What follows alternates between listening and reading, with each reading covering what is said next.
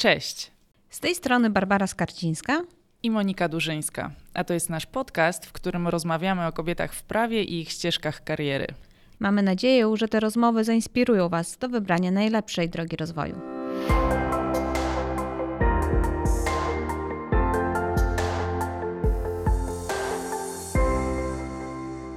Cześć, zapraszamy Cię do wysłuchania drugiego odcinka podcastu Zawód Prawniczka. Naszym dzisiejszym gościem jest Anna Tanasow, adwokatka, Head of Legal w Huge Games, ex-General Counsel Global Markets w grupie CCCSA, aktywna członkini Okręgowej Rady Adwokackiej w Warszawie, w tym patronka aplikantek i aplikantów adwokackich, prelegentka, wykładowczyni, mentorka kobiet, aktywistka. Aniu, pierwsze pytanie, jak ty to wszystko robisz? Dzień dobry, bo spotykamy się rano, więc y, łatwo mi jest odpowiedzieć na to pytanie, bo wstałam trzy godziny temu, czyli około 6-5. I szczerze to nie mam zamiaru tu prowadzić teraz wykładu o, e, pewnie słyszeliście o różnych książkach, jak e, milionerzy tego świata wstają o 5 rano, e, ćwiczą, potem planują dzień, medytują, a potem wszystko robią rano, a później odpoczywają, spędzają czas z rodziną. Nie, ten e, model ja wypracowałam sama, obserwując swój organizm. I po prostu zauważyłam, i to słuchajcie, będzie może największy, można powiedzieć, zawód tej rozmowy. Ja chodzę spać o 21, mniej więcej 22. O 20 się zaczynam już wyciszać, bo wstaję rano i to mi bardzo dobrze służy, bo wtedy mogę zaplanować cały dzień, a przede wszystkim wstaję ze słońcem. Czyli Twoim pomysłem na zorganizowanie całego dnia jest de facto wczesne wstawanie, bo wydłużasz tak. sobie wtedy dzień. Ale wiesz co, wczesne wstawanie w rozumieniu y, robienia wszystkiego w zgodzie ze sobą. Przede wszystkim ze swoim ciałem. Bo przez wiele lat y, żyłam w takim musie, nie? że tak ósma trzeba być w szkole. Jak się spóźnialiśmy, chodziłam do liceum zamojskiego. Jak się spóźnialiśmy, to tam mieliśmy minusy od razu. Jak było ileś minusów, no to wiecie, czyli były kary. Pała. Tak, dokładnie. To była kara zaraz. Więc ja, jak w ja nie jestem w stanie funkcjonować w narzuconym jakimś rytmie przez kogoś, więc dużo, długo czasu zajęło mi odkrycie tego mojego. I teraz wiem, że on to je, że jest i wiem, jak już funkcjonować lepiej, ale druga rzecz, która oczywiście jest jakaś cena za to płacisz, to po prostu mam coraz mniej życia towarzyskiego wieczornego. Bardzo często myślę o tym, żeby zrobić te najtrudniejsze rzeczy rano. A dla mnie najtrudniejsze rzeczy to są największe wyzwania albo zawodowe, albo osobiste, prywatne, więc staram się, jest takie powiedzenie, zjedz tę żabę, prawda, najpierw, staram się na rano, bo wtedy wiem, że mam najwięcej energii, zrobić najtrudniejsze zadania, które mam e, w ogóle w danym dniu do zrobienia. A dzielisz ten dzień pomiędzy swoje aktywności, czy po prostu idziesz spontanicznie przez kalendarz? Trochę tak, zależy. Bo wiecie co, bardzo mi pomogła w układaniu dnia właściwie moja trenerka tenisa Klaudia Wira, która teraz jest trenerką pilatesu. To mówię o tym dlatego, że podziwiam ją za to, że zmieniła de facto profesję w międzyczasie. I wiecie co, myśmy zaczynały grę te, w tenisa o 6, więc ja o 5.30 tam jechałam i myślałam sobie tak Jezu, zwariowałam. W sensie, że, że to jakby to, czy to tak ma być, że to się, forsu, że się forsujesz do czegoś, żeby coś zrobić rano i potem te przyjemności, czyli sport będzie rano, bo wieczorem to ja już zasypiam. Więc teraz, teraz już tak na przykład się nie forsuję, więc bardziej to zależy od dnia. Na przykład, jeżeli mam mm, dzień taki, mm, wiem, że mam dużo zadań w pracy, to wiem, że będę potrzebowała na przykład dużo snu. Czyli wtedy nie organizuję sobie już, wiecie, jakiejś imprezy albo spotkania towarzyskiego wieczorem, bo wiem, że będzie mi trudno być w takiej totalnej aktywności i uważności na drugiego człowieka. Nie będę nawet dobrym rozmówcą po prostu. A dru z drugiej strony, jak widzę, że dzień w pracy układa się trochę swobodniej, albo będę miała na przykład inny typ spotkań, nie takie bardzo, wiecie, typowe, nie wiem, na przykład negocjacje, które bardzo dużo energii kosztują i w ogóle wysiłku merytorycznego, umysłowego, tylko dni na przykład spotkania z zespołem, to to wiem, że mnie tak nakręci, że potem na koniec czy na południe dnia będę miała jeszcze bardzo dużo zapasu energii na różne inne zadania, e, też prywatne. A w ciągu dnia pracy, jakie, jakie masz takie sprawdzone właśnie mechanizmy albo jakieś swoje e, praktyki, triki, triki dokładnie, triki. które pomagają ci dobrze ten dzień zorganizować. Bo to, mm, to, to, co opowiadasz, dzieje się często przed pracą. Potem tak. wpadamy w ten wir pracy, przychodzimy do biura, czy nie wiem, pracujemy z domu. No i właściwie dzień często potrafi się totalnie rozwalić pod To natłokiem prawda. zadań. I wiecie co, nie wiem jak, jak, mm, jak teraz w dobie jakby pracy zdalnej, hybrydowej, tak? Wydaje mi się, że wielu z nas zaczęło pracować z kalendarzem w ręku po prostu. Ale z kalendarzem nie mam na myśli, wiecie, dni i miesięcy, tygodni pewnie też, ale masz dany dzień do dyspozycji i, i po prostu planuję go i każdy dzień zaczynam od otwarcia kalendarza. Kiedyś robiłam w kancelariach zwłaszcza, albo pracując w CCC, wiecie, jak zaczynam dzień, wchodziłam do pracy i już była na przykład, nie wiem, jakaś sterta papierów na moim biurku, albo kilka osób czekających, żeby coś uzgodnić albo przegadać i wtedy wytracałam jakby cały swój plan w ogóle dnia, dostosowując się do tego de facto życzeń i potrzeb innych ludzi. To jest pierwsza rzecz, czyli żeby się skupić na tym, co ty chcesz danego dnia osiągnąć i co chcesz w tym danym dniu zrobić. Druga rzecz to jest ten kalendarz, czyli widzisz, co, jakie masz, że tak powiem, może nazwijmy to pola w ciągu dnia do dyspozycji. I możesz tym swobodnie jak puzzle przesuwać, tak żeby służyły też tobie najlepiej.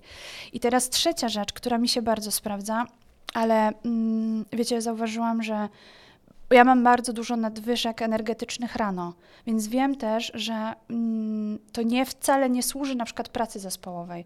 Bo jak ktoś przychodzi rano taki nakręcony jak ja, to wcale innym osobom, które na przykład wolą i mają szczyt, wiecie, aktywności po południu, to nie służy, to nie służy moja nadwyżka energii.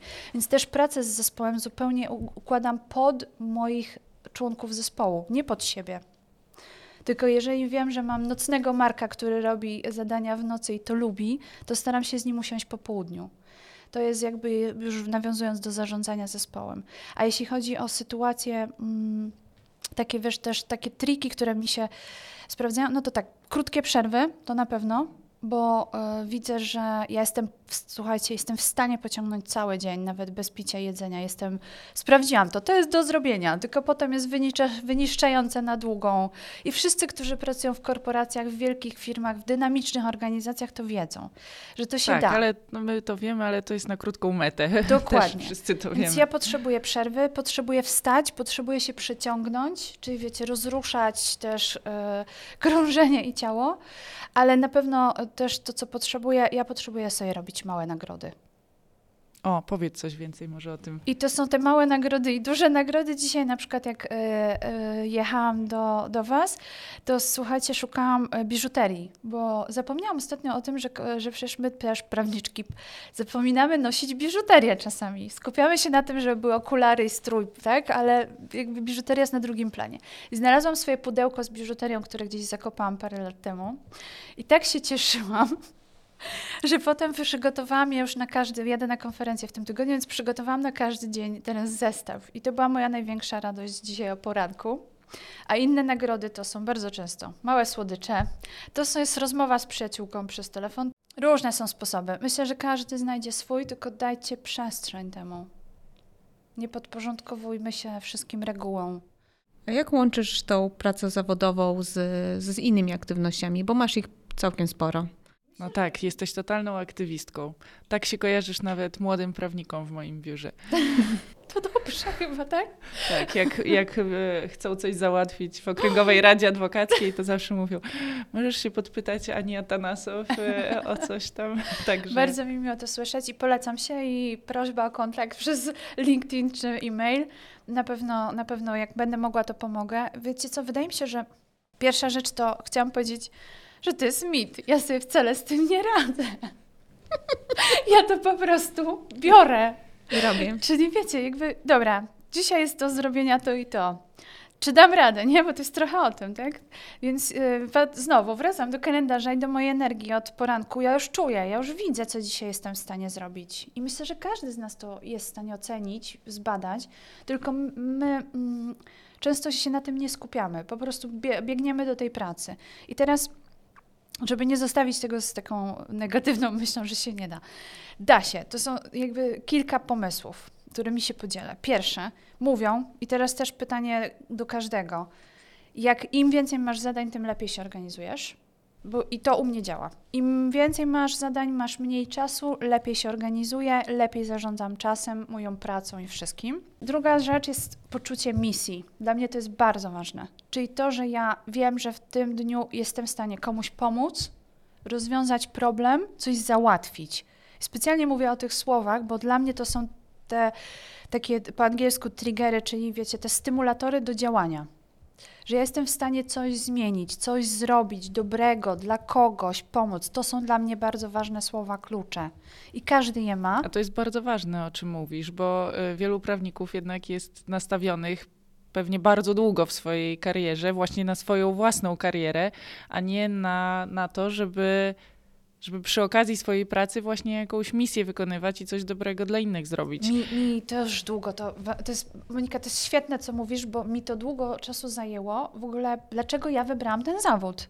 Ja wiem dlaczego, dlatego, żeby pomagać innym, a nie sobie. No właśnie, tylko to myślę, że to z czasem przychodzi. Trzeba się zastanowić, a propos ścieżek kariery, pracy prawników, czy chcesz mieć wpływ? Jeżeli nie, jeżeli wolisz być jednym z. I to nie oceniam tego, jeżeli wolisz być i jesteś, czujesz się dobrym członkiem zespołu, albo osobą, nie wiem, nazwijmy to po angielsku second chair, tak?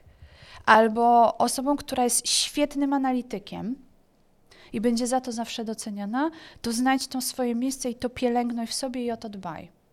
Czyli taka praca in-house'a, to główny jej plus to jest przede wszystkim to, że masz wpływ y, na to, jak ten biznes się kształtuje, na to też, jak możesz dysponować pewnie swoim czasem i, i zadaniami. Ja to tak czuję, tak.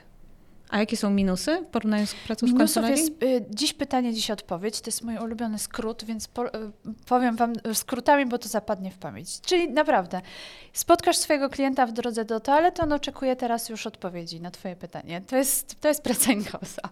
Druga, mm, drugi temat to jest branie ryzyka. I wtedy to jest naprawdę branie byka za rogi, bo nikt nie będzie oczekiwał, że y, dasz mu bezpieczne, znaczy inaczej, nie tyle bezpieczne rozwiązanie, tylko że mu okopiesz odpowiedź bezpiecznymi wytrychami typu to zależy albo z, zważywszy na to, że albo biorąc pod uwagę to i to, to wtedy zrób tak, tylko będzie oczekiwał tak czy nie.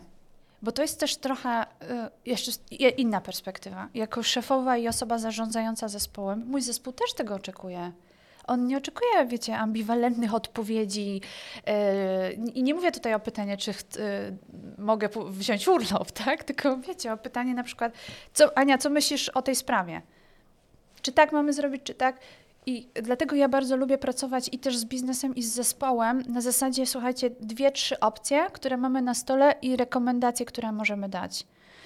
Mhm. A masz wrażenie, że na początku trochę walczyłaś tak o przetrwanie? Bo ja mam Bardzo. takie wrażenie, że Bardzo. najpierw trzeba to było dobrą, y, dobry początek złapać, czyli dobre praktyki, dobrą pierwszą pracę, no bo potem będzie ci łatwiej. I dopiero w pewnym momencie, kiedy nabrałyśmy już trochę tego doświadczenia, no to możemy sobie już powiedzieć, że możemy sobie teraz pozwolić no, na podcast, na wychodzenie z tej strefy komfortu. A na początku było to trudne. I ja obserwując swoją siostrę o 12 lat młodszą, mam wrażenie, że ona ma więcej tej odwagi. Nie wiem skąd to się bierze. Może z tego, że uprawia sport, może z tego, że jest właśnie już z tego innego pokolenia, ale to, to jest taki ten element, który podziwiam w tym, tak. w tym młodszym Może pokoleniu. to jest dobry moment, żebym trochę powiedziała o ścieżce zawodowej, bo to jest a propos właśnie ścieżek, dróg i, yy, i wyborów. Wiecie co, jak zaczęłam studia w ogóle na, i na, e, trochę się cofnę, i na filologii słowiańskiej, bo e, biegle mówię po bułgarsku i zawsze moją pasją był język, ale też jednocześnie zaczęłam studia prawnicze. Wszystko na Uniwersytecie Warszawskim. I długo, słuchajcie, nie mogłam się zdecydować, bo, teraz słuchajcie, moim marzeniem w ogóle była praca w dyplomacji. Czyli nie do końca poszłam za głosem swojego serca, czy e, nie wiem, rozumu, bo już teraz nie wiem nawet, co mną wtedy kierowało. Wiem jedno, człowiek jak ma 18 lat, to nie wie. I nikt mu nie pozwala nie wiedzieć. Ja miałam takie wtedy wrażenie, tylko musisz wybierać. Więc wybierasz to, co myślisz. I teraz a propos, Basiu, tego, co mówisz, dobra, to wybiorę to, co przytrza mnie przy życiu. To, co będzie najbezpieczniejsze, tak, a przynajmniej tak. tak mi się wydaje. Czyli dobrą pracę, tak? Więc idziesz idziesz na prawo. Potem i wiedziałam zawsze, i to nie jest tak, zawsze mnie interesowała historia, w ogóle y, nauki so, społeczne, wszystko, co się dzieje wokół ludzi i społeczeństwa. Więc to też nie jest tak, że to, wiecie, kompletnie mnie nie interesowało, ale na pierwszym roku studiów rzeczywiście, jak były, e, wiecie, tam prawo rzymskie, logika i e, różne takie praworządność, nauka praworządności, takie przedmioty, które przeproszenie, mogą zabić w tobie pasję do prawa. Tak, ja też miałam takie wrażenie, co ja tu robię.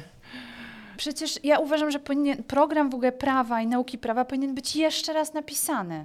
I powinno się może zaczynać od tego właśnie prawa w praktyce, albo od tego, żeby pokazywać role models, tak? Modele, sposoby pracy, wy wykonywania zawodu, albo właśnie tę strefę wpływu, a nie zanudzać... Albo różne ścieżki wykonywania tak, tego zawodu. Tak. Podobno już to jest na niektórych uniwersytetach. Więc cudownie zróbmy to, bo to też my to możemy pokazywać i, i wy to robicie de facto teraz.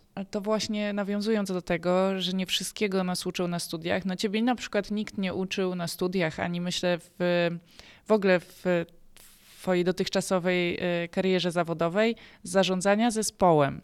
No bo jednak na prawie uczymy się prawa.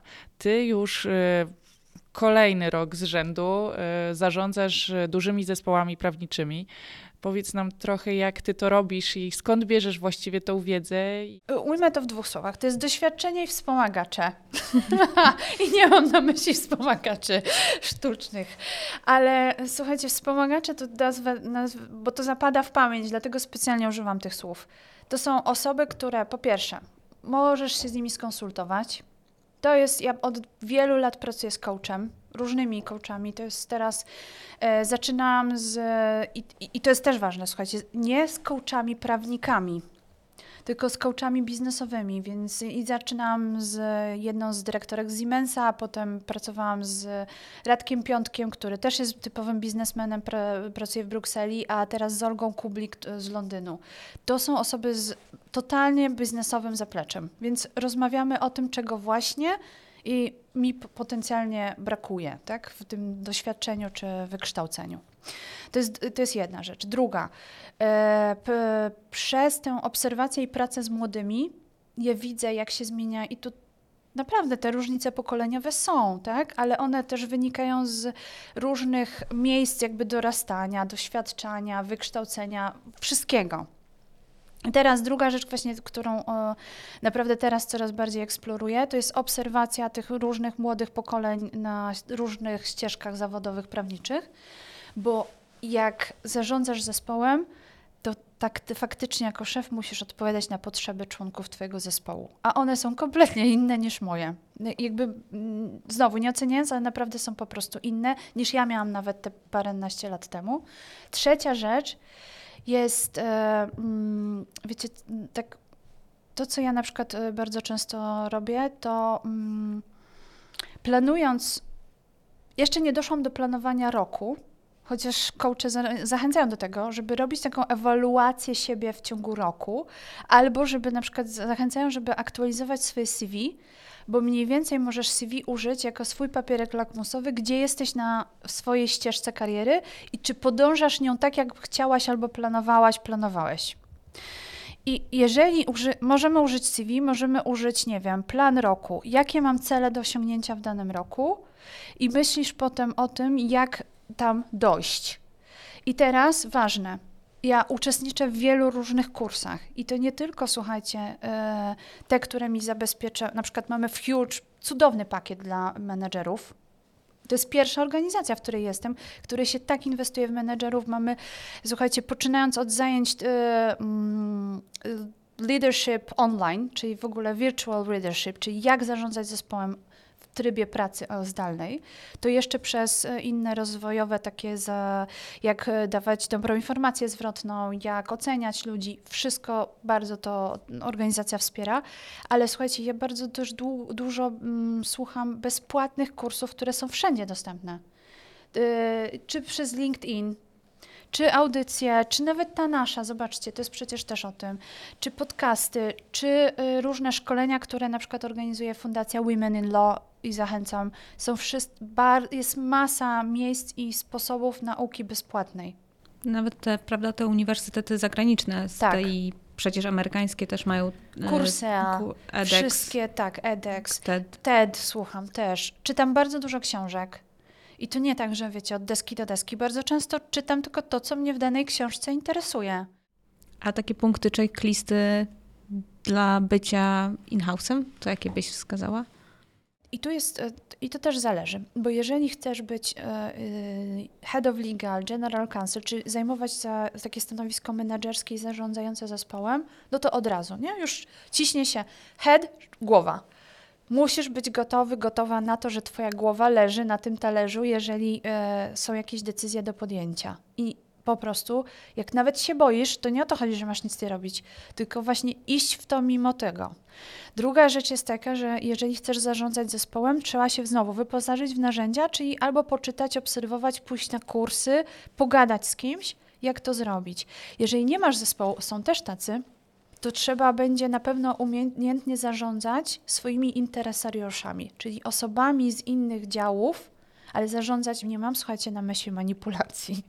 Zarządzać to znaczy współpracować, rozmawiać, komunikować się, wspierać i dawać też i informacje zwrotne. I słuchajcie, to, czego też nie uczą na studiach, stawiać granice. Bo ja tego na przykład bardzo wiele lat nie umiałam. Ale wiecie, co mi pomogło? Że stawianie granic nie jest dla mnie, tylko dla tej drugiej osoby, dla klienta. Żeby on wiedział, jak się, w jakich ramach się może poruszać i się czuć bezpiecznie. I teraz jeszcze a propos pracy in-house'a. Trzecia rzecz jest ważna, dobre zarządzanie czasem. Bo bardzo często jest tak, i tu w kancelarii jest to samo, tylko że w y, pracy in-house jest trochę inaczej. Bardzo często jest tak, że ktoś będzie cię potrzebował na przykład, nie wiem, na negocjacjach i to ci zje pół dnia takie negocjacje. Ale, a potem nie starczy ci, nie wiem, czasu na tę pracę merytoryczną, tak? Więc to, co będzie bardzo ważne, to umiejętność delegowania. I teraz do kancelarii, do innych członków zespołu, sprawdzanie, gdzie jest moja rola prawnicza, a gdzie ja wchodzę. Teraz kolejna rzecz istotna. W pracy prawnika in-house'a masz co najmniej trzy kapelusze. Jeden to jest, e, jak jest, chcesz być liderem, to jest lider. Drugie, jak chcesz być nadal liderem, jest menadżer. I trzecie to jest mentor. I to są trzy role, które zawsze będziesz łączyły zarządzając. Jak chcesz być członkiem zespołu, czyli, i nie mówię teraz e, wiecie, podległym pod, czy mniej znaczącym. Absolutnie nie. To wtedy skupiasz się na roli eksperckiej i teraz pytania będą dwa zasadnicze. Czy chcesz być generalistą, bo takich biznes szuka, czyli mniej więcej mieć jakieś dwie swoje linie, nie wiem, specjalności, na przykład specjalizacje specjalności, nie wiem, korporacyjne prawo i prawo rynków kapitałowych, ale wiedzieć też coś o prawie pracy, bo to bez tego nie rusz plus e, wiedzieć coś i umieć negocjować umowy, albo chcesz być ekspertem w danej dziedzinie i na tym się skupiasz i wtedy będziesz świetnym nie wiem, członkiem zespołu, na przykład od danych osobowych. Więc to też jest kwestia, kwestia jakby ułożenia tego sobie w głowie, w której dziedzinie prawa się lepiej czujesz, ale to, co zawsze będzie istotne, to trzeba budować umiejętności, słuchajcie, miękkie, bardzo tego, na to kładę nacisk, bo pracujesz w zespole. W szczególności czy w kancelarii, czy w pracy in-house'a jesteś w zespole i tu nie o to chodzi, każdy, y, tu nie chodzi, wiecie, o rozróżnienie introwertyk, ekstrawertyk, tylko chodzi o to, żeby nie zapominać, że jesteś częścią zespołu. I że grasz do jednej bramki. Tak, tak, zdecydowanie. Aniu, bardzo Ci dziękujemy. To naprawdę bardzo inspirujący czas, który tu spędziłyśmy i może, żeby było jeszcze inspirująco i łatwiej dla tych, którzy nas słuchają, powiedz e, może, co mogą zrobić młode prawniczki i prawnicy, żeby pójść w Twoje ślady? To odpo odpowiem co y, inaczej. Jak mogę z kimś, komuś pomóc i przegadać i wesprzeć w decyzjach, to prośba o kontakt to jest pierwsze i to jest najprostsze, szczerze mówiąc, pewnie. Druga rzecz to mm, zrobiłyśmy takie ćwiczenie z moją menti ostatnio. Poprosiłam ją, żeby wypisała swoje mocne strony i poprosiłam, żeby z każdym porozmawiała o z każdym porozmawiała z bliskiego otoczenia, bezpiecznego otoczenia dla niej, kto jakie widzi w niej mocne strony, i potem to zestawiła trochę ze sobą. I potem to przegadywałyśmy. I wiecie co, nie dość, że. Mm, bo wtedy trochę widzisz swoje spojrzenie na siebie, ale widzisz też spojrzenie innych osób. I jeżeli w życiu zawodowym jakby jest to potrzebne, bo te mocne strony są bardzo ważne i trzeba o nie dbać, ale jak też mówił mój poprzedni trener tenisa, trzeba rozwijać też te słabe. Czyli tak samo masz ćwiczyć backhand i forehand. I to, co ja wiem jedno, jeżeli, jeżeli marzeniem, i teraz punkt trzeci, jeżeli twoim marzeniem jest na przykład zostać nie wiem, dajmy jakiś dobry przykład, partnerką w kancelarii, międzynarodowej kancelarii, to trzeba usiąść i zrobić sobie, ja bym zaczęła od tego, krótką checklistę. Jak tam dojść? Bo dla mnie na przykład są to od razu punkty w głowie, które też mogę pomóc komuś spisać. To jest na pewno dobra znajomość angielskiego, gotowość na wyrzeczenia, poświęcanie swojego wolnego czasu na, na pracę. Trzy, umiejętność budowania relacji, bo musisz budować relacje, musisz mieć armię ludzi, która cię wspiera góra, dół, mam na myśli i współpracowników, pra, pracowników i, e, i szefów. Y, trzy, e, cztery to już będzie, uzbroić się w narzędzia. Czyli właśnie zadbać o te narzędzia, które, jeżeli chcesz być partnerką w kancelarii, musisz umieć robić budżet. Myśleć o pieniądzach, liczyć i zadbać o takie. Czyli jakby dla mnie to jest jasny na przykład sygnał, że po pracy muszę zadbać o to, żeby e, usiąść z jakimś finansistą albo kolegą z matematyki, albo nauczyć się Excela. I słuchajcie, jakby ja wiem, że to tak brzmi może prosto, jak ja o tym mówię, ale to są Wystarczy usiąść, zastanowić się albo popatrzeć na, na swoje koleżanki i kolegów i zrobić sobie prostą listę rzeczy. I wtedy bardzo często to się trochę, jak to się napisze albo się wypowie i zobaczy, to wtedy widzisz. Nie wiem, dobra, to tego nie umiem, mogę się nauczyć. Nie, nie nauczę się, nie znoszę tego. Też można w ten sposób do tego podejść i umacniać to, co, to, co mi idzie, to, co mi daje radość i lekkość. A jeszcze punkt taki piąty to Wiecie, cenna jest jedna rzecz. Mi ostatnio też moja, moja członkini zespołu powiedziała: Ja nie chcę być taka jak ty. I to też jest ok, nie? I to jest o tym, żeby też rozmawiać o, mm, o, o tym, że każdy ma swoją drogę. I ja, ja, ja naprawdę bardzo, bardzo, bym, bardzo bym chciała, żeby, żeby móc powiedzieć, że moje ślady są dla kogoś ważne i że ja jestem dla kogoś inspiracją, ale ja bym też bardzo chciała wspierać w ogóle osoby w tym, żeby były, żeby szły swoją drogą, bo każdy ma swoją, tylko pewnie. Yy, Czasami brakuje mi, bardzo brakowało sprzymierzeńców, sojuszniczek, wsparcia, dlatego ja chcę je dawać i jestem gotowa, żeby je dawać. Um, a tak na, na, zupełnie na koniec to. Um, Myślę, że teraz też jest bardzo dużo programów właśnie i mentorskich. Zobaczcie, jak dużo tego powstaje i to z tego trzeba czerpać i korzystać, bo najważniejsze, kiedyś mówiono, najważniejsze to zobacz, czego nie chcesz. Może też od tego trzeba zacząć, bo jak to też wtedy pomoże dotrzeć do tego, co chcesz, ale obserwować to, co daje ci radość po prostu.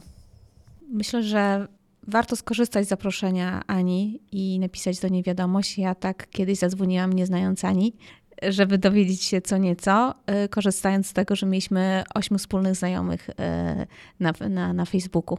Więc y, sama wiem z własnej autopsji, że Ania jest otwarta na nowe znajomości.